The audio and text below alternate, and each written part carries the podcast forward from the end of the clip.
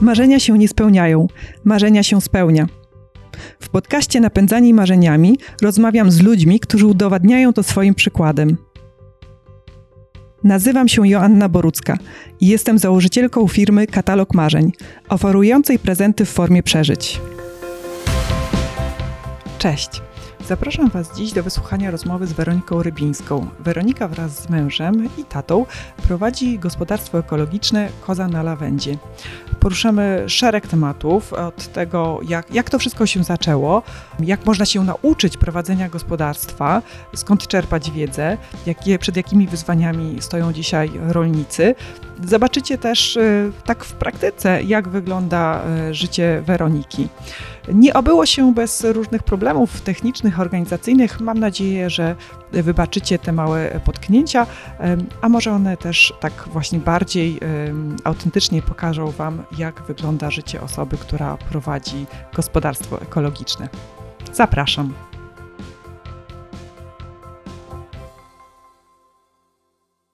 Cześć Weronika, bardzo mi miło gościć Cię w podcaście Napędzani Marzeniami.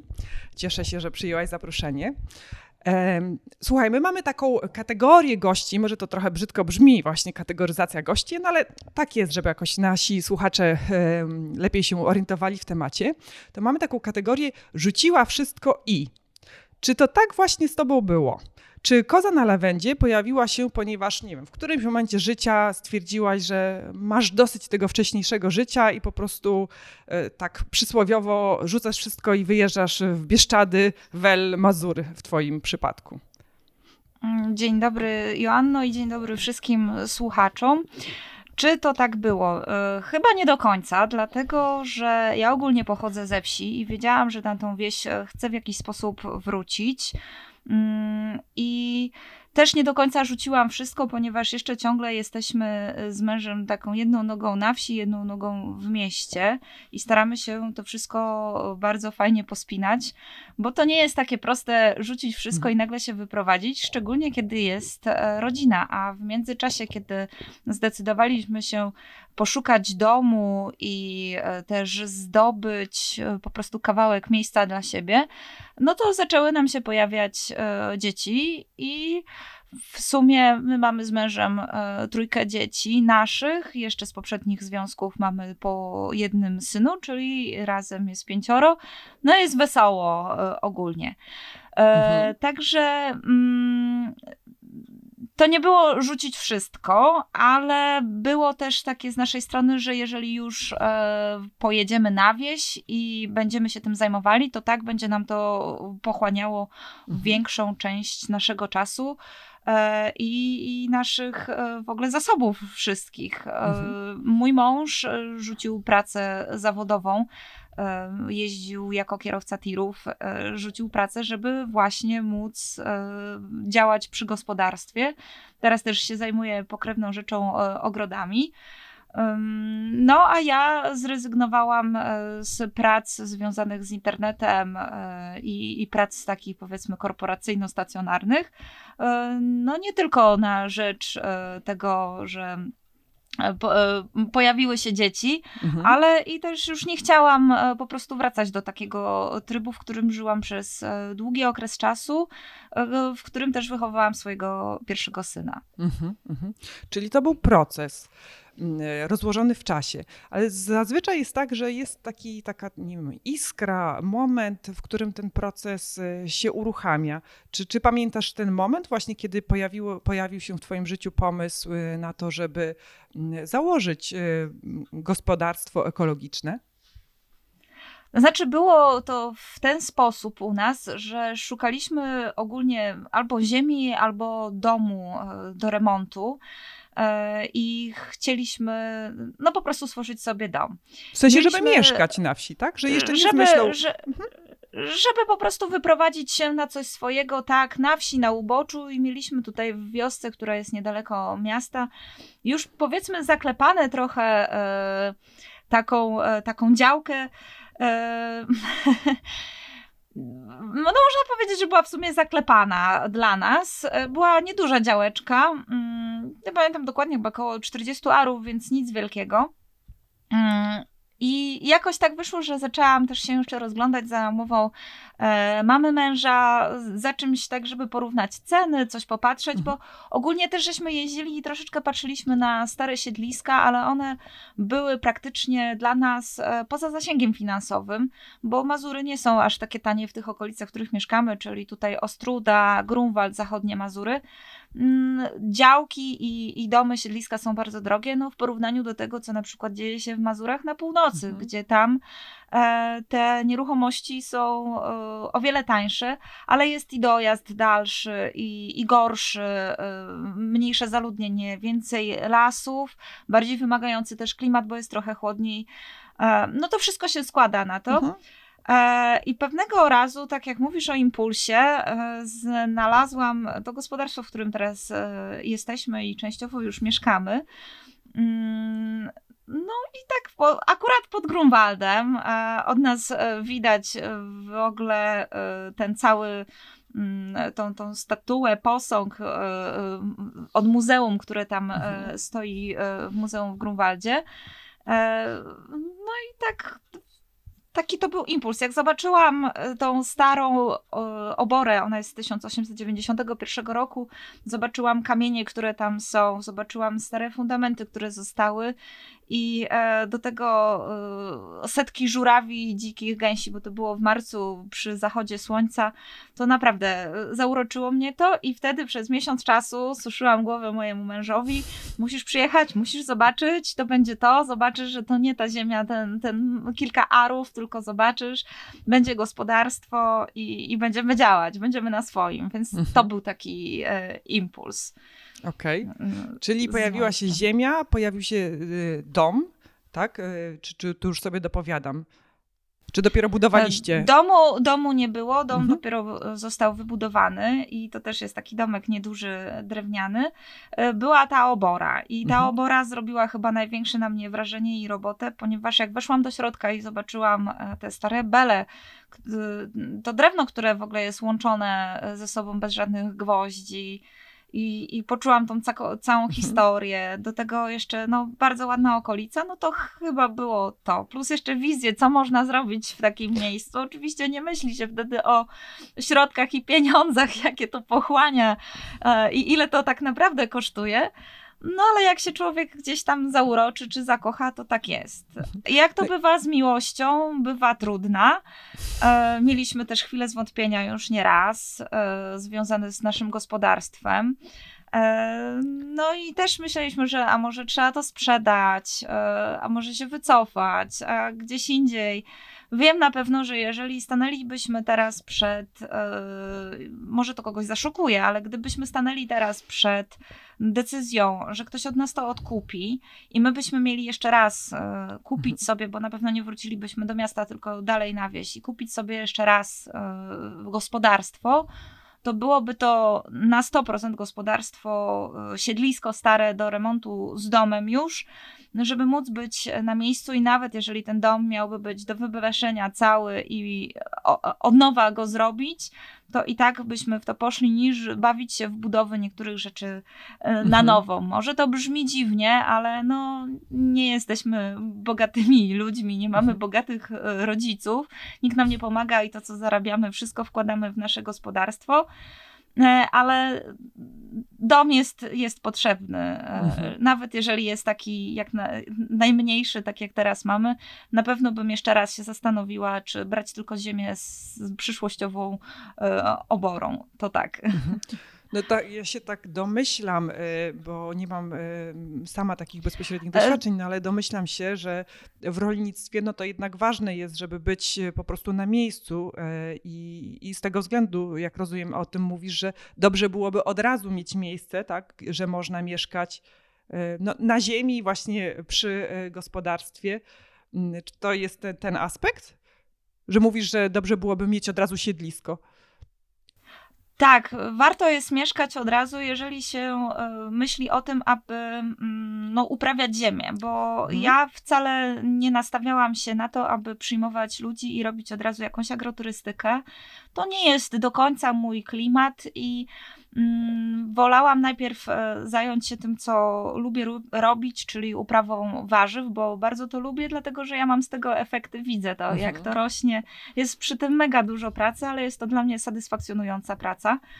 E, I miało to znaczenie już nawet jeszcze nawet jak zwierząt nie było, dlatego że e, dzień jest wtedy też dłuższy, mhm. bo pewne obowiązki, które są związane w domu rano z tym, że e, no wiadomo, wstajemy, robimy sobie śniadanie i ja ogarniam dzieci, no i to schodzi czas na tym. A jak jesteśmy tam na miejscu, bo, bo my sobie, jak teraz już jest sezon, jest cieplej, mieszkamy sobie w naszym tym domku niewykończonym, to wtedy to wygląda na takiej zasadzie, że mm, no, dzieci wstają, one się ubierają, one lecą mhm. na dwór i już ich nie ma. I najwyżej tam gdzieś w locie jakieś śniadanie, ale ja w tym czasie mogę wyjść do tuneli, otworzyć tunele, zobaczyć, co się dzieje, kiedy podlać. Mhm. To samo wieczorem, kiedy ja już padam po prostu ze zmęczenia. Y, nie muszę wtedy jechać. Y, to jest tylko 30 kilometrów między, y, między naszym gospodarstwem a miastem a i traktuję to tak, jak dojeżdżałam kiedyś do normalnej pracy etatowej, e, też nawet więcej kilometrów.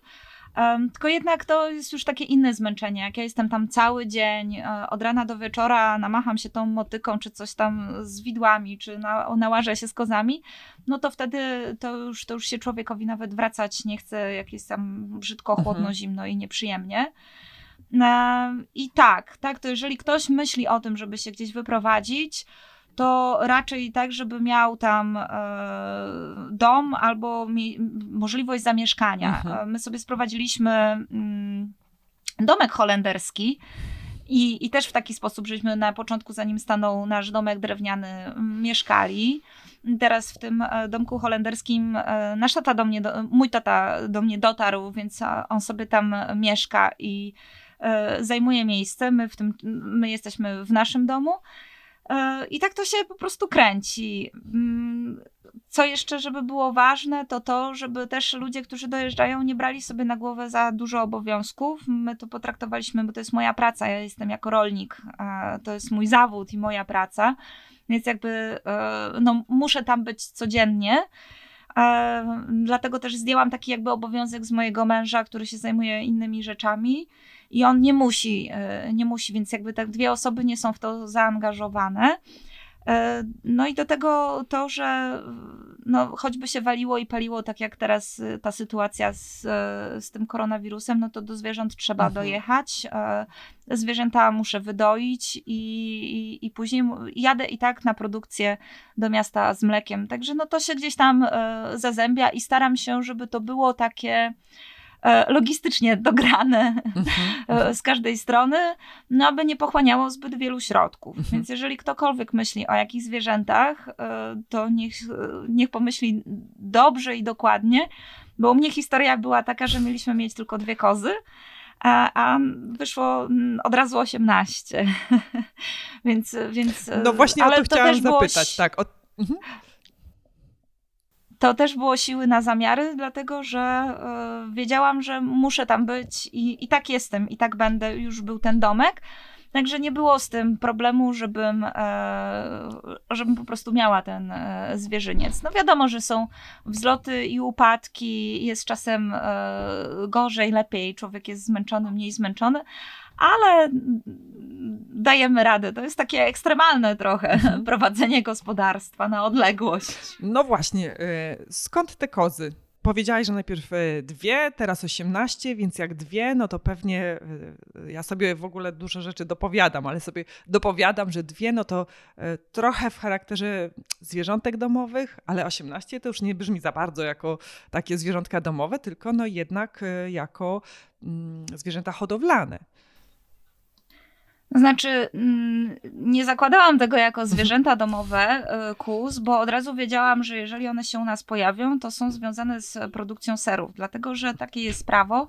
Nie za bardzo można było w, te kilka lat temu e, robić w ten sposób i dalej chyba mm, z tego co wiem, że kupować mleko, e, wytwarzać sery, ale tak jako osoba jedna, fizyczna, tak? Bo jako przedsiębiorstwo mhm. przetwórcze to tak, ale jako taka osoba, która nie ma własnych zwierząt, z których pozyskuje mleko i wytwarzać sery, no to tak nie można. Więc e, te kozy miały być e, przemyślane to było, bo krowa to jest duże zwierzę i wiedziałam, że no dobra, dwójka dzieci, e, męża nie ma, to ja mogę sobie z krową po prostu nie poradzić, też siłowo, żeby ją i nakarmić, i wyprowadzić, bo to jest duże zwierzę.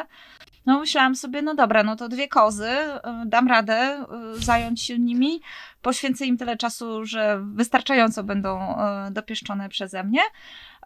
I będę miała od razu mleko, żeby też tworzyć sery, gdzie u nas tu w okolicy nie ma albo nie było przynajmniej legalnych producentów kozich serów w takiej ilości. Mm, mówimy o okolicy Grunwald, Olsztynek, mhm. te okolice. E, a jak nagle 18 się zrobiło, no to wyszło w ten sposób, że yy, pojechaliśmy do pana, który miał kozy, i ja zobaczyłam, w jakim stanie są te kozy. No i, no i po prostu stwierdziliśmy, że musimy je stamtąd e, zabrać. No i, i przyjechały do nas. Mhm. Teraz gdzieś jest ich około 50 razem wow. z młodymi z tego roku. Mm, no tak się rozwijamy. Docelowo, e, z racji też, że są dotacje, e, dostałam dotację na dach, e, muszę wywiązać się z biznesplanu, to muszę mieć 60 matek dojnych, czyli mm, kus będzie o wiele więcej niż obecnie, mhm. czyli podejrzewam, że około 120 może być nawet. O kurczę. I ty to ogarniasz samodzielnie, takie... Y nie wiem, czy e, Ogarniam to w tym roku e, razem z moim tatą. E, mhm. Czasem mąż coś, mąż nie, w sumie on to w tamtym roku mi pomagał, kiedy była urodzona moja najmłodsza córka i po prostu nie pozwalała mi odejść od siebie za bardzo, za daleko, więc miałam utrudniony proces dojenia, bo i doimy ręcznie. E, kozy doje ręcznie i, i także to było troszeczkę utrudnione, więc mąż mi coś tam pomagał zawsze, czy, ale tak to obrządek mhm. robimy razem e, z tatą w sumie na pół, czyli albo jedno idzie z nimi na spacer, e, drugie zostaje i przygotowuje w oborze wszystko, albo drugie tak na mhm. zmianę, no i tak w sumie z tatą też ogarniamy tam cały ten bałagan związany z gospodarstwem. A kozy trzeba codziennie wydoić?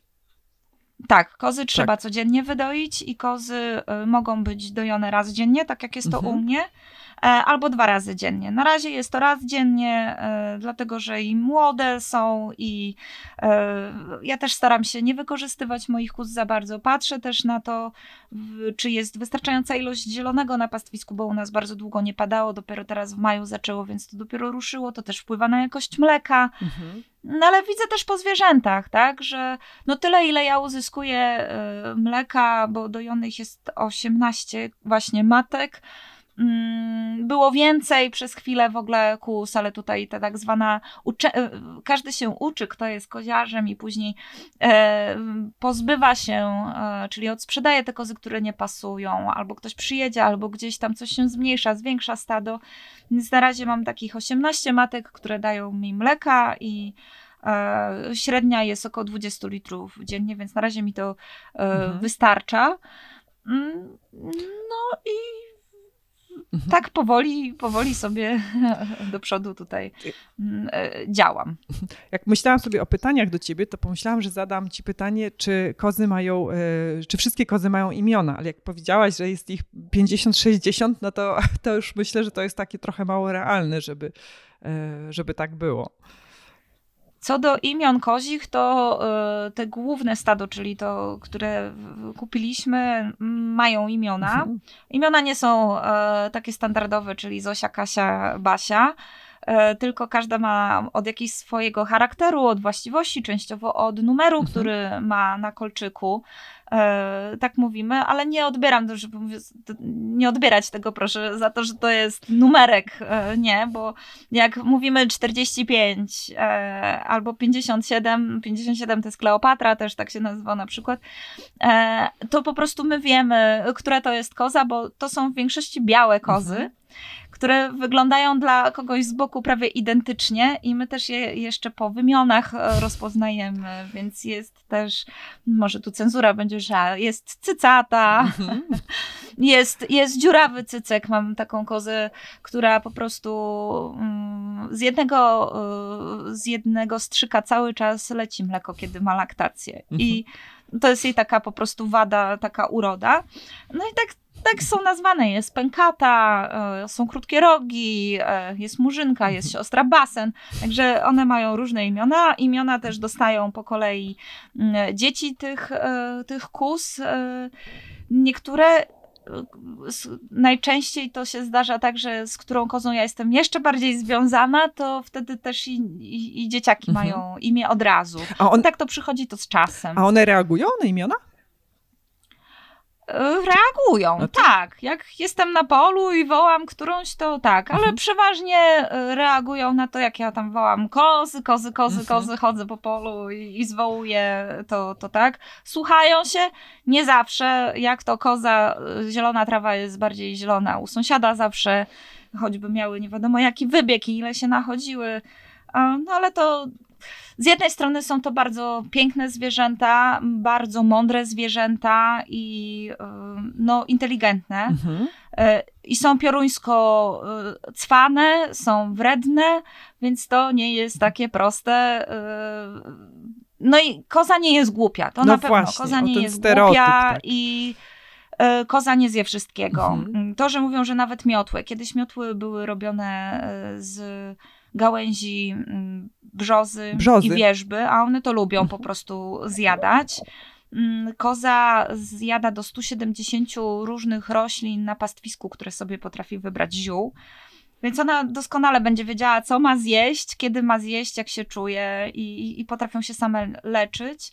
Wiadomo, że te tak, ziołami leczyć. czasem jak je się puści, tak, y, leczą się mhm. ziołami, ale wiadomo, że jak się tam coś puści na tej zasadzie, że one gdzieś tam wylecą, będą bardzo głodne, to zjedzą wszystko e, i też potrafią po prostu się nie pohamować i e, no coś capnąć, co nie powinny.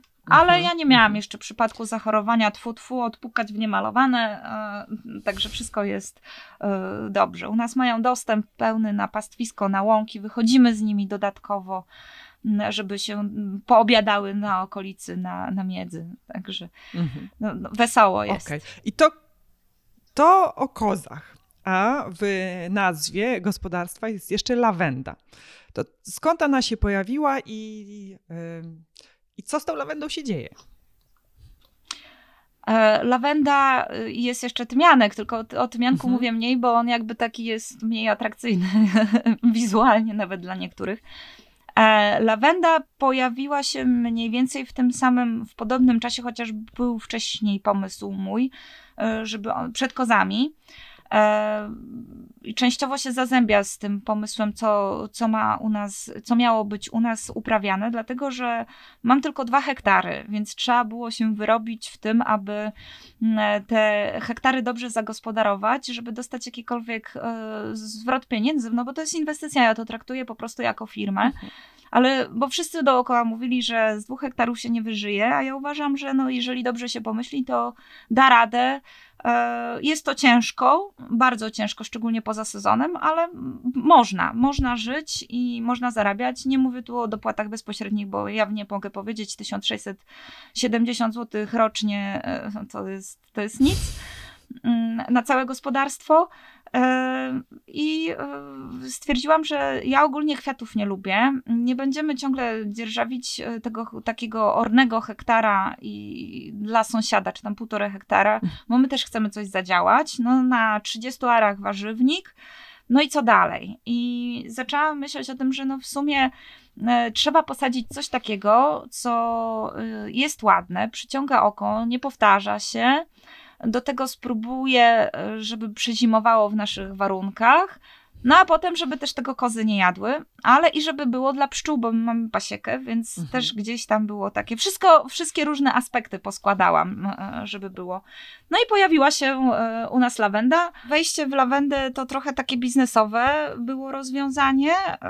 No dodatk no tak, dla pszczół mhm. i później się okazało, że po prostu e, lawendy też kozy nie jedzą. No i równocześnie też tymianek był takim ziołem, który stwierdziłam, że tak, po pierwsze kozy nie jedzą eterycznych roślin, czyli między innymi mhm. tymianku. Tymianek jest bardzo miododajny, to nam się naszym pszczołom przyda. No i jest to uprawa wieloletnia. Nie musimy wtedy nikogo na te półtora hektara prosić, żeby przyjechał sprzętem, e, orał co roku, zbierał, mhm. i, no bo to nam się po prostu nie opłacało. Mhm. I co jest e, wytwarzane z, e, właśnie z tej lawendy i tymianku? Czy to po prostu są suszone kwiaty, kwiaty, liście, czy, czy coś więcej? E, z lawendy zbieram kwiaty, kwiaty na susz. To są na początku bukieciki, czasem ktoś ode mnie kupi nawiązanki, e, ale też zbieram je z myślą o tym, aby później produkować syrop lawendowy, który e, robię sama i go mhm. sprzedaję. No i czasem jest tak, że używam tego do produkcji Mm, nazwijmy to kosmetyków, e, dlatego że razem z koleżanką, która zajmuje się ziołami, robimy też teraz od niedawna produkty, które e, z produktów z mojego gospodarstwa, czyli z lawendy, z tymianku, z koziego mleka, z serwatki.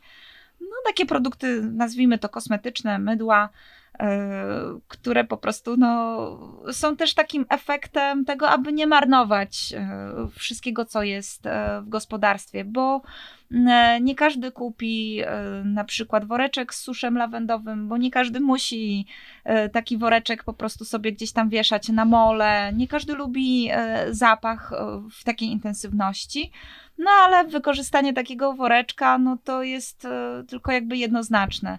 Mhm to, że zbieram, e, czasem tworzę też jakieś mieszanki herbat e, z lawendą, ale przede wszystkim zbieram na, e, na susz, na to, żeby wykorzystywać je kulinarnie. Robiłam też swego czasu sery z lawendą. Mhm.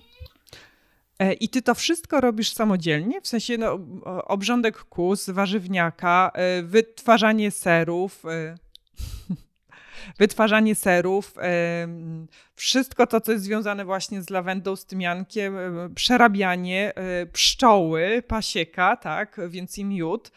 E, I to jesteś w stanie samodzielnie, no rozumiem, że także z mężem, tak, i z tatą, o którym wspomniałaś, e, ale to tak się udaje? Bo brzmi, bo po prostu brzmi jak bardzo dużo pracy, a ty jesteś również aktywna e, mocno w mediach społecznościowych, e, wszelakich e, i napisałaś kilka e-booków, które są też dostępne na twojej stronie. Ja sobie po prostu zadaję pytanie, mm, jak ty to wszystko ogarniasz, jeszcze biorąc pod uwagę piątkę dzieci. I jak ja to ogarniam? E, ja tego nie ogarniam, od razu mówię, bo to nie chodzi o ogarnianie. No nie, no dobra organizacja pracy, zaplanowanie e, różnych e, rzeczy do przodu.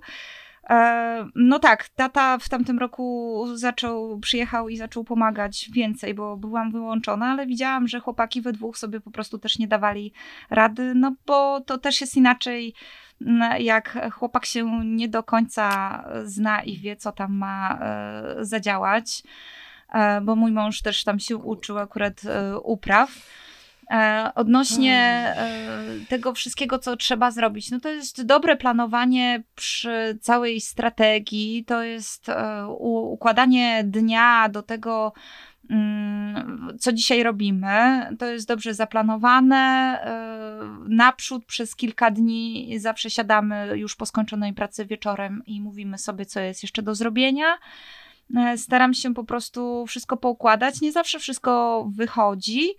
No i bywa tak, że po prostu pewne rzeczy się przesuwają w czasie, jak jakieś sadzenie, nasadzenie, i mnie czasem to też irytuje, bo chciałabym spełnić wszystko to, co sobie zaplanuję. No ale wiem, że czas e, nie jest z gumy, się nie rozciągnie. Mm, no i pewne rzeczy trzeba też ustawiać w priorytecie. Mm, trzeba stawiać sobie priorytety, dlatego że wiem, że nie wykonam wszystkiego naraz. Nie będzie mnie dla moich dzieci zawsze. E, musimy podzielić wtedy też opiekę nad dzieciakami, muszę im zajęcie znaleźć, muszę mieć przygotowany obiad, więc też coś wymyślę szybciej. E, sobie systematyzuję zajęcia, gdzie co mam zrobić. E, małymi kroczkami po prostu każdą rzecz sobie gdzieś tam zaplanuję i robię wykonuję. Nie, nie zawsze jest tak, że ze wszystkim zdążę od razu. Jak jest po sezonie, to wtedy jest tej pracy to wtedy jest tej pracy e, znacznie mniej na gospodarstwie i to też jest taki okres po sezonie, gdzie ja mogę, e, gdzie wiem, że ja mogę mm, poświęcić ten czas na planowanie, na robienie jakichś e, planów, biznesplanów, mniej więcej układać ramy czasowe tego, jak ma wyglądać cały sezon. Także mogę powiedzieć, że y, tak praktycznie to jestem ja i mój tata na gospodarstwie. Mąż y, przyjeżdża z pracy i w weekendy nam pomaga praktycznie, chyba że robi wolne. Y, to wtedy, wtedy nam pomaga i jesteśmy we trójkę. Też on dostaje jakieś zadania specjalne, które tylko mężczyźni potrafią zrobić. Dobra, czyli dzieje, dzieje się dużo. Mm, pytanie, czy dzieje się dużo przez cały rok, bo ja sobie tak wyobrażam, wyobrażam, nie znając praktyki e, pracy rolnika, że takim bardzo zajętym okresem jest ten czas od, od wiosny do jesieni, a w zimie w końcu można trochę odpocząć. E, przy czym w Twoim wypadku pewnie ten odpoczynek to jest właśnie ogarnianie mediów społecznościowych, to są e-booki e, i nie wiem, co tam jeszcze. Jak, jak to właśnie wygląda już z Twojej perspektywy, perspektywy praktyka? No właśnie to jest tak, że w ciągu roku, kiedy przychodzi sezon, to powiedzmy już tak koniec lutego, początek marca, to ja y, jestem wyjęta już z tego internetu. No może nie całkowicie, no bo wiadomo, że telefony teraz umożliwiają nam dostęp wszędzie, gdzie jest się i czasem się zerknie, czy wieczorem, czy rano, czy na jakiejś tam przerwie ale y, to jest ten czas, kiedy y, czasem nawet z opóźnieniem odpowiadam na pytania klientów, bo po prostu nie mam tego telefonu przy sobie, kiedy gdzieś tam jestem na polu y, z kozami albo w uprawach. I tak jest to wymagający czas, szczególnie jeszcze kiedy przychodzą sery, czyli mleko, produkcja serów, ponieważ robię to od rana do wieczora w ogrodzie, a później wieczorami jeszcze do, do samego rana lepiej te serki, że tak mówię. E, także jeszcze pracuję z mlekiem. E, I tego czasu jest mało. E, zaczyna się go więcej robić tak powiedzmy koło października. No i wtedy jest to po sezonie. No, nie jest to dobry czas ogólnie pod względem finansowym, ale jest to czas pod względem rozwoju i można działać tak jak i w mediach społecznościowych, można coś podzielić się wiedzą, napisać e-booka, zrobić jakiś kurs, ale to też się wszystko nie zazębia, ponieważ na przykład my e, nie mieliśmy mleka, może w tym roku coś wyjdzie e, z mlekiem na zimę, jeżeli e, wykoci nam się tam, czyli urodzą kolejne kozy małe na zimę, to będzie mleko ciągłość, bo tak to robiliśmy do tej pory, że po prostu mleka nie było. Więc i przeprowadzenie jakiegoś kursu serowarskiego, czy pokazanie ludziom, jak robić sery, na nie swoim mleku i często zdobywanym skądś, no to nie jest to, co ja bym chciała pokazywać. Tak jak i nie opowiem o wszystkim osadzeniu e, w ogrodzie, jak nie pokażę przycinania lawendy, róż, e, różnych innych czynności, na które ja po prostu też nie mam czasu w momencie, kiedy przychodzi sezon. I jeszcze to nagrywać, później e, montować i tak dalej. Więc przydałby mi się, podejrzewam, sztab ludzi do tego, żeby to wszystko robić, to co mam w głowie, żeby przekazać. No ale trudno, no nie da się. Trzeba mhm. wybrać e, najważniejsze rzeczy. Dlatego bardzo się cieszę z tego, że poszłam do współpracy z Natalią, czyli Płonką, która pomaga mi robić nasze cudeńka e, z moich produktów e, aromatyczne, e, mydełka czy mgiełki. E, I też napisałyśmy właśnie razem jednego e-booka o ziołach, o ziołach w trawieniu i o ziołach w przemianie materii. Akurat tak trafiłyśmy w ten czas, kiedy ten koronawirus się tak rozwinął, ale nie był on pisany z myślą o leczeniu jakichś tam dziwnych wirusów, pandemii, tylko po prostu było to publikacja, która jest dalej dostępna u nas w sklepie na kozanalawendzie.pl kośnik sklep. Ona jest po prostu taka mm, z serca od nas dwóch do leczenia takiego domowego, czy to dzieci, czy dorosłych, którzy nie chcą leków używać, że można sobie na przykład to zakupić ciągle i mm, też zrobić e, teraz zapasy, które są potrzebne, które rzeczy, które się wykorzystuje później e, do tych e-booków. Napisałam też o swoim gospodarstwie. O, tutaj problemy to moja widownia i mo, moja cała ferajna, jak, jak tutaj słychać zapewne, tak oni mi tu kibicują i właśnie o, mój czas się właśnie kończy i sk skraca. E, e, e, przez to jak oni chodzą e, jak oni chodzą do, do przedszkola, to ja też mam e, poza sezonem więcej czasu, bo w sezonie moje dzieci uczestniczą na wsi mhm. w pracach. tak. No, no i, i co do tego właśnie, y, tego czasu, no to y, nie ma go za wiele, trzeba go maksymalnie gdzieś tam y, upychać i wtedy piszę jak najwięcej, robię jak najwięcej rzeczy, żeby, żeby je poskładać i zimą, żeby sobie też przygotować trochę do przodu. No i tak też zrobiłam no i tak to jest tak jak i z podcastami, bo mhm. nagrałam sobie bardzo dużo wywiadów i przygotowałam materiału, ale niestety nie mam czasu, żeby po prostu poskładać. Nawet dużo to nie zawiera ogólnie czasu, ale żeby tak zostać w domu i ten dzień, ja tak ja to mówię, no stracić. Stracić taki mhm. dzień, który o teraz fajnie, bo słońce wyszło, ja dalej zaraz uciekam, a, bo my nagrywamy to, kiedy już jest po południu. No ja dalej uciekam jeszcze tam do siebie e, na wieś, będę dalej gdzieś działać i pracować i rozwozić też zamówienia. Mhm. No po prostu żałuję tego czasu, aby zostać w domu i poświęcić go na składanie jakichś rzeczy do internetu. Mm, liczę na wyrozumiałość moich słuchaczy, widzów i klientów, obserwatorów, że docenią to, że staram się włożyć swoją siłę nie w internet, nie w coś wirtualnego i może mnie być mniej w sumie, a w to, aby właśnie e, były wysadzone pomidory, które teraz e, wysadzam, które teraz będą ogórki wysadzane, które mam nasiane. No bo mhm. tak, jak pytałaś wcześniej o to, czy ja robię sama, no większość rzeczy tak. Jeżeli to jest jakaś taka praca mm, w sezonie związana z jakimiś ciężarami czy czymś przerzucaniem, no to pomagają mi moje chłopaki, czyli mąż i mój tata. Jak coś trzeba zrobić, wtedy też myślimy nad tym, aby poświęcić jakiś konkretny dzień albo kilka kilka dni.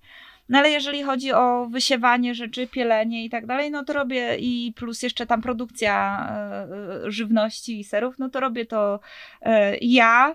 I tak jak już wspomniałam, wkurza mnie mhm. to niesamowicie, kiedy tego nie zrobię i w stu procentach to nie jest zrobione, albo coś się wywali, albo jest dzień, kiedy ja po prostu nie mam siły, bo kobiety mają też takie dni, e, że nie mają siły, albo jest gdzieś, że, że ostatnio miałam przeciążone ramię i jeszcze źle się wyspałam i w ogóle wszystko się naraz e, skupia no to, to przez to, że ja jestem zadaniowa i lubię też wykonywać pewne zadania, żeby to się spięło, no nie zawsze wychodzi tak, jak bym chciała i, i, i łapię takie zniechęcenie mhm. i próbuję dokręcić później tą śrubkę, e, żeby było tego, tego więcej do nadrobienia. No ale mówię, no e, poza sezonem jest tego czasu więcej, chociaż no jak są dzieci i taka ilość, to, to można powiedzieć, że nie do końca, bo trzeba im wtedy jakby ten czas e, związany z przedszkolem czy żłobkiem mm, e, gdzieś tam zorganizować. No i dodatkowo też jeszcze ta jesień, taka wczesna jesień jest związana z tym, że robię dużo przetworów i, mhm. No i tak to, tak to wygląda. No i e, wspomniałaś, że e-book jest dostępny e, na stronie. My podlinkujemy tą stronę, gdzie, gdzie można z e-bookiem się zapoznać, go kupić. Na stronie masz też e, sklep, w którym można kupić swoje produkty, prawda? Więc i jak rozumiem, wysyłasz je mm, no, wszędzie, w sensie w dowolne miejsce w Polsce. Tak, założyłam sklep. E, bardzo długo to trwało, ponieważ to też jest moja robota, cała strona. Wszystko sama robię. E, bo no, słuchajcie, nie ma czegoś takiego na wsi, jeżeli ktoś nie ma bogatych rodziców albo jakichś dziadków, albo nie odziedziczył spadku, czy nie wygrał w totolotku, no to się nie ma po prostu środków na wszystko. A dzisiaj każda usługa jest droga, a no, troszeczkę umiejętności jak człowiek posiada, to dłubie sobie sam, chyba że właśnie nie ma czasu.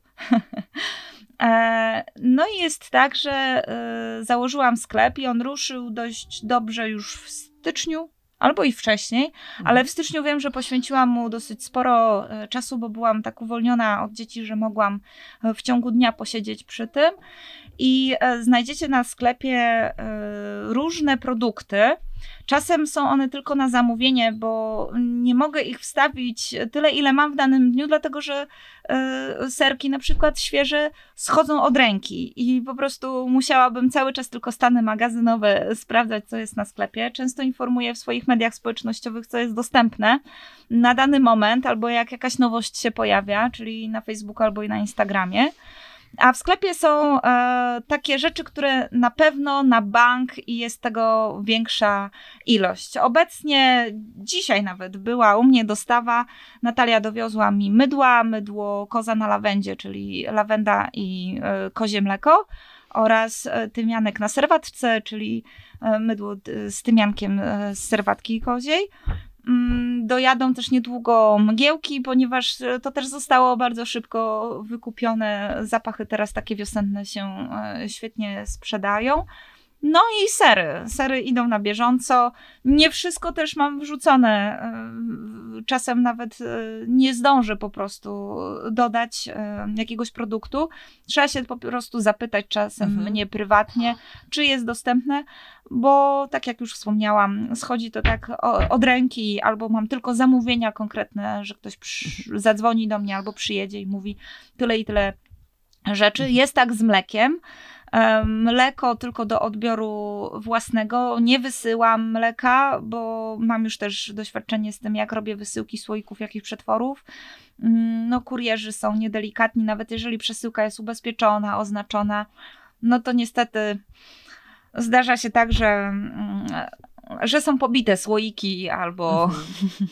albo coś się stanie z, z tą przesyłką. Także no, mleka, mleka nie wysyłam, ale jeżeli ktoś jest z okolic Ostrudy, Grunwaldu, Olsztyna, Olsztynka, to jak najbardziej może u mnie kupić mhm. mleko. Prócz wysyłek i sklepu internetowego, E, tak jak było do tej pory, jeszcze przed tymi wszystkimi zaobostrzeniami, mm, wystawiałam się też na różnych ryneczkach, na różnych bazarkach, e, targowiskach, jarmarkach. Mm, obecnie e, staram się też komunikować przez media społecznościowe, że przyjeżdżam do Olsztyna co najmniej dwa razy w miesiącu, więc mogę zebrać zamówienie. Jeżeli ktoś jest chętny, to wtedy do mnie dzwoni, pisze. No i umawiamy się w jakimś tam konkretnym miejscu i, i robię dostawę. Mhm. Czyli popyt jest duży, tak? I rozumiem, że jeśli chodzi o właśnie klientów i zbyt tego, co wytwarzasz, co produkujesz, to tutaj e, to idzie dobrze. Czyli to ta podaż, podaż i wyprodukowanie tego wszystkiego jest większym wyzwaniem. I, wiesz, i w tym kontekście chciałam się ciebie zapytać, czy takich gospodarstw jak, jak, jak twoje, czy widzisz, że ich jest coraz więcej, także że jest jakiś taki trend, że...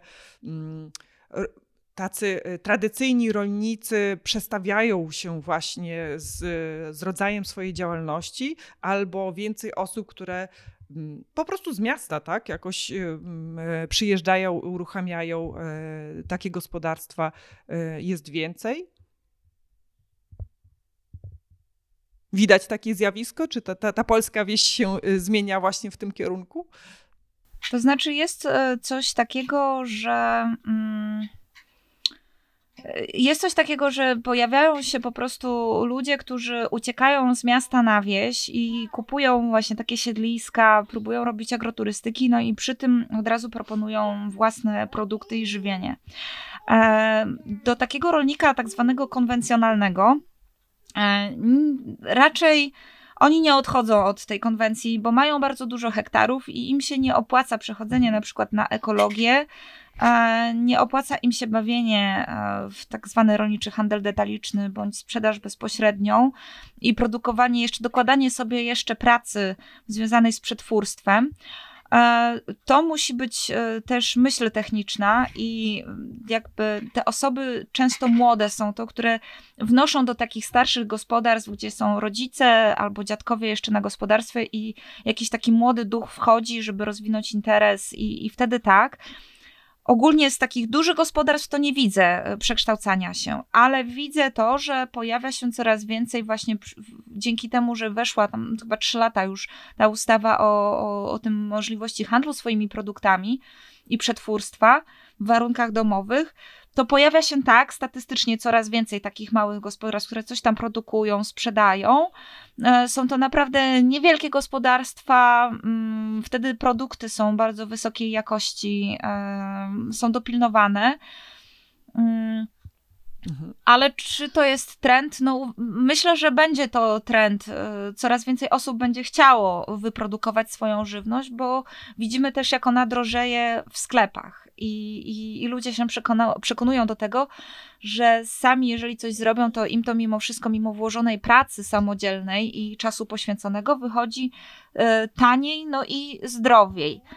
Mm, to więc tak, statystycznie jest coraz więcej. W okolicy mam kilku znajomych, którzy. Y, o, mama, tak, mama. Mama też. E, mam kilku znajomych, którzy e, zaczęli się tym zajmować, e, sprzedają, coś tam myślą, działają. Mm, jest to raczej powiązane często właśnie z agroturystyką że, że przyjeżdżają mhm. do nich e, goście i ci goście na pamiątkę coś by chcieli kupić. To przy agroturystykach jest, e, jest to takie popularne. Mniej popularne są takie gospodarstwa jak moje, czyli ja nie przyjmuję gości, a po prostu produkuję e, żywność na sprzedaż. Mhm. Ekologiczną żywność na sprzedaż. Tak. Tak. Ja się cieszę, że jest taki trend, bo ja mieszkam w takim niewielkim mieście pod Warszawą e, i kurczę, chciałabym, e, chciałabym kupować e, takie ekologiczne po prostu warzywa, a w tych warzywniakach czy na, na rynku, tak, ja niby mamy rynek i to taki dwa razy w tygodniu, który, który się tutaj rozkłada w pobliżu, to ja wiem, że na tym rynku to też są warzywa, które są kupowane gdzieś tam w hurtowniach w Warszawie. No i, i ta, ta żywność jest y, no, traktowana chemią po prostu, tak? I, Znaczy, gospodarstw ekologicznych, według statystyk, z tego co przeglądałam, bo przygotowuję się również do napisania y, e-booka, akurat tutaj o kozach bardziej, ale przeglądałam od razu właśnie mm, statystyki związane z, z takimi gospodarstwami, ile tego jest. To statystycznie spadła ilość gospodarstw mhm. ekologicznych. I mogę tylko podejrzewać, że chodzi tutaj przede wszystkim o tak zwaną papierologię oraz opłaty, które są z tym związane, bo bardzo wiele osób, które jako konsumenci odbierają nasze produkty i mówią, czy coś jest ekologiczne, nie ekologiczne, czy ma certyfikat, czy nie, nie wiedzą o tym, że my ponosimy bardzo duże koszty. Jeżeli ktoś ma większe gospodarstwo, to może tego nie odczuć aż tak bardzo. Mm, ale no, osobiście powiem, że jest to dla nas, dla mnie dość trudne i nie wiedziałam, że się wiąże to i, i z takim nakładem pracy i z takimi opłatami. Dlatego może jest coraz mniej i mhm. łatwiej jest komuś no bo trzeba się narobić, żeby wyprodukować, załóżmy, ten kilogram ekologicznej marchewki, a łatwiej jest pojechać do hurtowni, kupić tą marchewkę, przełożyć ją z worka i powiedzieć, no bo się uprawia też swoje i powiedzieć, że to jest dalej swoje. No można tak oszukiwać ludzie, mhm. tak jak i można oszukiwać na serach, że można zakupić w sklepie i po prostu sprzedawać jako swoje i są takie po prostu praktyki mm, robione. Mm. No i to jest ta obawa właśnie, jak rozróżnić, prawda, takie prawdziwe ekologiczne gospodarstwo od takiego no nie do końca e, prawdziwego, tak. I no rozumiem, że ta certyfikacja... Mhm. To też ma związek z tym, że raz, że certyfikacja, czyli po prostu jak ktoś mówi, że ma coś ekologicznego, to się przyjęło, że jest to na, naturalnie chowane. I ja się z tym zgadzam, że samo słowo ekologiczny nie powinno być zastrzeżone, bo mówienie o żywności, wskazywanie konkretnego produktu jest zastrzeżone i nie powinno się używać ekologiczny, na przykład ser, e, kiedy nie ma się certyfikatu na ten ser. E, mhm. Dużo ludzi się burzy, bo właśnie praca, która jest włożona w to, aby otrzymać i, i utrzymać ten zielony listek, tak zwany, mm, no jest ogromna, a ktoś inny po prostu nie dba o to, robi to w tak zwanym zamyśle ekologicznym, w naturalny sposób, um, uprawia warzywa, no, nie traktuje tego chemią, no ale już, e, już nie może sobie tego listka przypisać, więc już te produkty nie będą tyle droższe, ludzie już kręcą nosem. Mi się wydaje, mhm. że przede wszystkim mała ilość dobrych, ekologicznych produktów e, na, na rynku to jest zbyt wielka ilość dokumentacji oraz zbyt wielkie opłaty z tym mhm. wszystkim związane. Um, w tym roku, ja tego nie ukrywam, pomidory podejrzewam, że u nas e, nasze certyfikowane ekologiczne będą kosztowały 12 zł za kilogram, dlatego że wiąże się to z ogromną ilością pracy, pośpiechem, czasem. Yy, dodatkowo dużą ilością wody, której potrzebują te rośliny, którą musimy po prostu im dostarczyć e, mhm. na pole różnymi sposobami. A tej wody jest coraz mniej i widzę to też po, po deszczówce, którą e, łapiemy, czy po ciśnieniu z pompy, e, mhm. jaka jest do podlewania. Tak. Mm, I właśnie to robi to, że no w, obecnie w jakimś dyskoncie pomidory są chyba nawet po 4 zł za kilogram i już mówią, mhm. że są to polskie pomidory no to jak taki człowiek, który nawet teraz w kryzysie e, funkcjonuje, no ma sobie pozwolić na, na, na kilogram takich pomidorów, a jeszcze chciałby zrobić przeroby z tego. To jest mhm. bardzo duży wydatek. Ja jestem tego świadoma, no ale ja nie mam e, dwóch, dwudziestu hektarów tuneli pomidorów, mhm. tylko mam dwa tunele. I te pomidory u mnie będą smakowały tak jak od babci, dziadka kiedyś, a, a nie będą ide- i nie będą idealne, będą trochę popękane, będą gdzieś coś tam no niedoskonałe, no ale po prostu będą moje. I jeżeli, ja też wychodzę z takiego założenia, że jeżeli ktoś po prostu nie chce od nas kupić, albo nie interesuje go taka totalnie zdrowa żywność, którą ja mhm. daję mojej rodzinie, moim dzieciom, no to właśnie mm, nic się nie zmarnuje najpierw my, a potem kozy, a później dopiero no, klienci. ci, którzy są chętni, klienci. Tak. Tak, tak.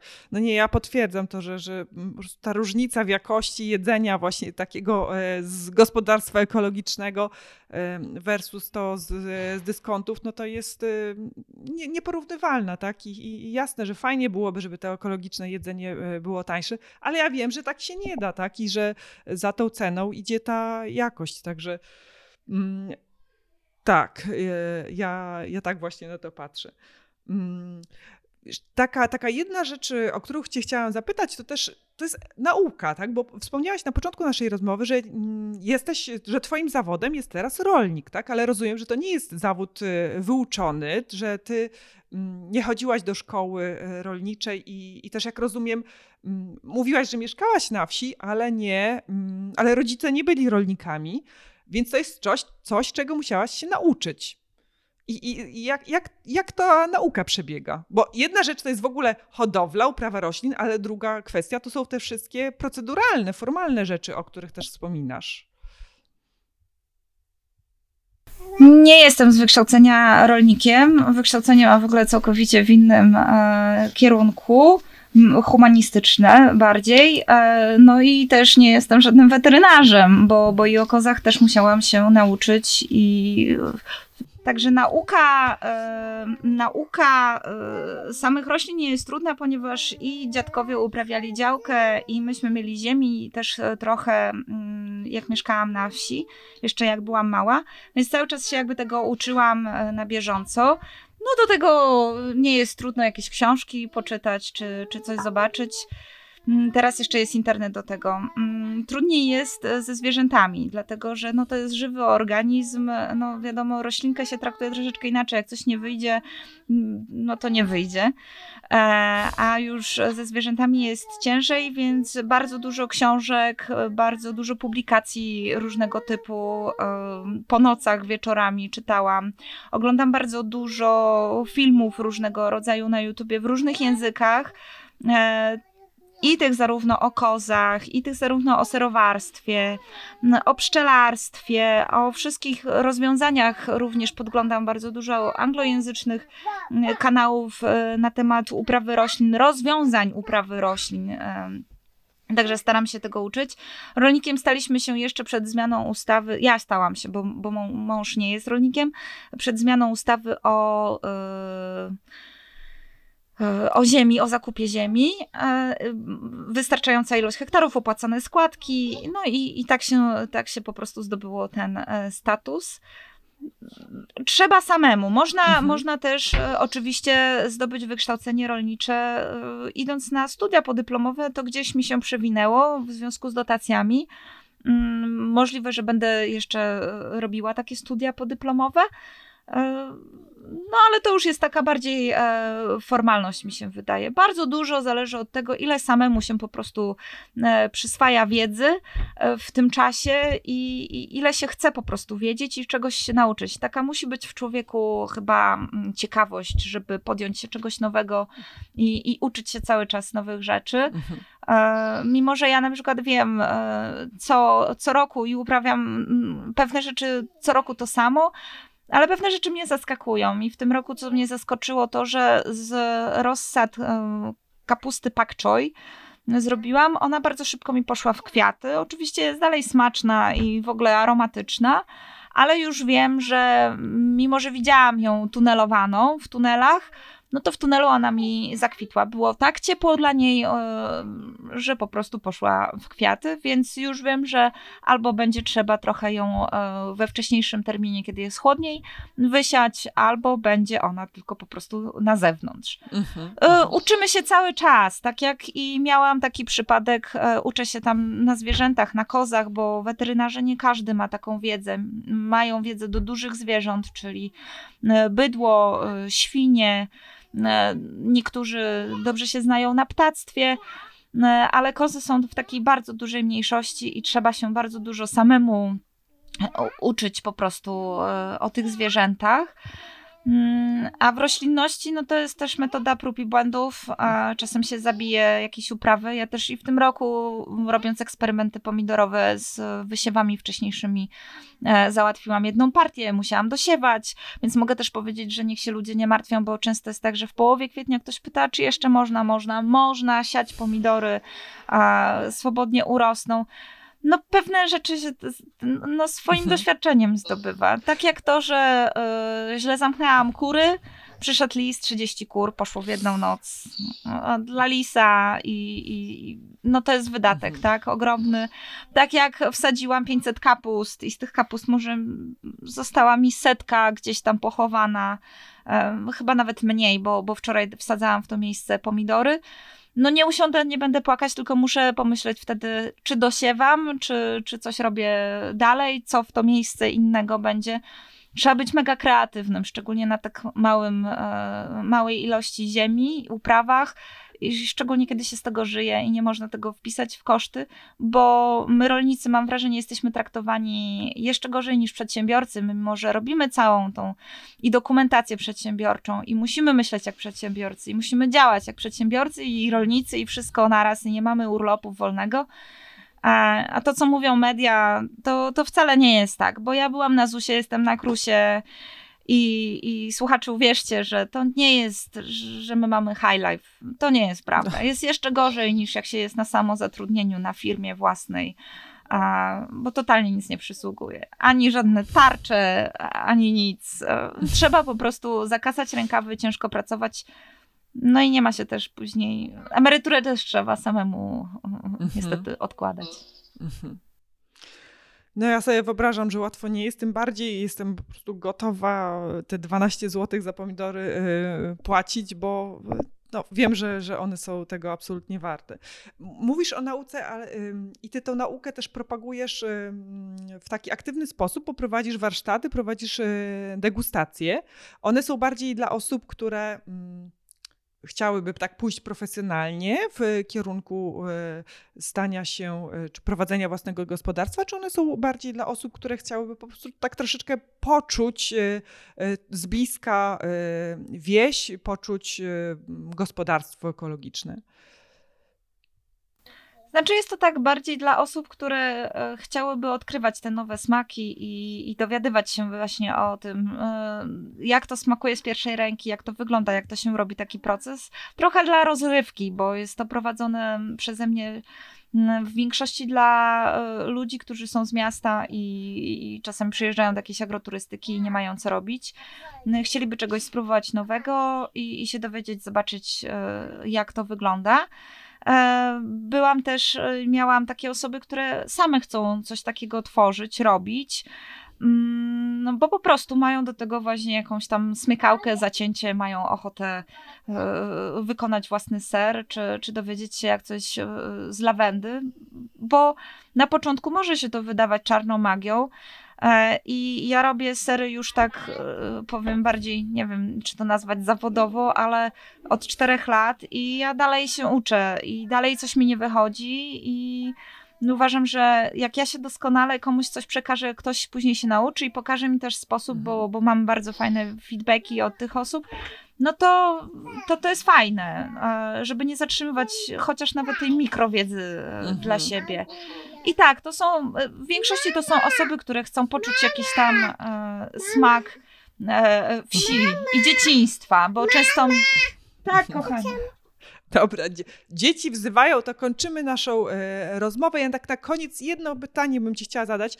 Właśnie, jakby, jakby, jakby komuś chodziła przez głowę taka myśl, że on ma już dosyć tego miasta, ma dosyć korporacji no i, i e, chciałby wyjechać na wieś, może właśnie założyć takie gospodarstwo, to e, jaką radę albo jakie ostrzeżenie może właśnie takim e, osobom byś e, dała, że tak na start?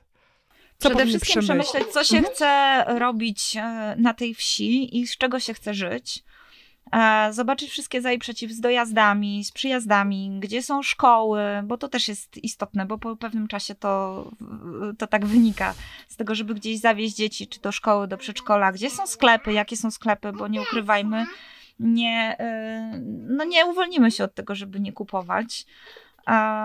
Również to, co chcemy robić, jakie mamy rynki zbytu, mm, kogo chcemy zapraszać, jakie są nasze siły przerobowe. Trzeba przemyśleć to, jako potraktować taką ucieczkę na wieś, jeżeli ktoś chce się zaszyć z miasta, odejść na wieś, musi pomyśleć o tym jako o biznesie, że otwiera nowy biznes. To nie jest tylko nowy etap w życiu, ale i to jest e, nowy biznes. A jeżeli jest taka ochota, no to po prostu e, po prostu to zrobić i mhm. uczyć się na swoim własnym doświadczeniu, bo no bo tyle, bo mhm. każdy przeżywa, każdy inaczej przeżywa to wszystko, każdy z nas ma inne myśli, każdy przeżywa y, wszystko po swojemu i y, może być tak, że przez kilka lat będzie daleko i głęboko w czarnych czeluściach pewnych czterech liter, a może być tak, że po roku nagle biznes rozkwitnie albo nie będzie żadnego biznesu, będzie tylko dom i szczere pole i będzie zadowolony po prostu. Mhm. Trzeba przeżyć. Jeżeli jest taka chęć e, wyprowadzić się z miasta na wieś, to tak, trzeba spełniać to, bo nikt tego, tego nie zrobi. Nigdy nie będzie odpowiedniego czasu na to a pomyśleć sobie, no okej, okay, żyliśmy w mieście ileś tam lat, co stoi na przeszkodzie, co mamy do stracenia. Będzie się to wiązało z wieloma wyrzeczeniami, ale no jak się tego nie spróbuje, to, to, to... No, tylko że trzeba wiedzieć, że na wsi jest głośno, że śmierdzi, że się kurzy, że są komary i e, że potrafi być duże błoto, duży śnieg. Wesoło może być. Weronika, ja bym Ci e, jeszcze chciała zadać e, masę pytań. Ja nie, nie, pochodzę z rodziny z jakoś, z, mm, ani moi rodzice, ani dziadkowie nie byli rolnikami, ale już pradziadkowie byli, więc jakoś gdzieś tam ciągnie mnie do tej wsi i bym się o bardzo dużo jeszcze rzeczy chciała Ciebie wypytać. E, mam nadzieję, że będzie jakaś okazja właśnie, może podczas warsztatów, może podczas degustacji. Ja się z przyjemnością bym z Tobą spotkała na miejscu, ale to już tak po rozmowie. Dziękuję Ci serdecznie e, za ten czas. E, podlinkujemy Twoje strony, media społecznościowe, stronę Koza na Lawendzie, żeby tutaj słuchacze mogli się też zapoznać z tym, co robisz. No i co, życzę powodzenia i tak jak e, pisałam Ci we wcześniejszych mailach, dużo słońca i deszczu. Tak, ja również dziękuję za rozmowę.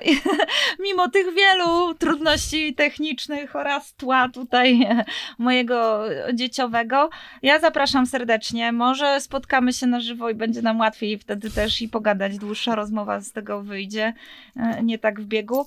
E, przyjeżdżaj jak najbardziej. E, wszystkich tych zainteresowanych też zapraszam do siebie najpierw na stronę, niech popatrzą, co tam się dzieje. Zapraszam też na zakupy.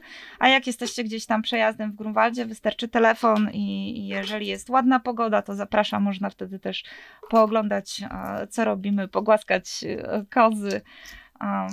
No, po prostu przyjechać tak jak mówię, żyjemy na wiecznej budowie. Ktoś kiedyś powiedział nam, jeden z klientów, że e, jak trochę tak jak hipisi, ale on to mówił z wielkim uśmiechem, aż mu się mhm. oczy tam lśniły, że takie dzieci kwiaty może trochę.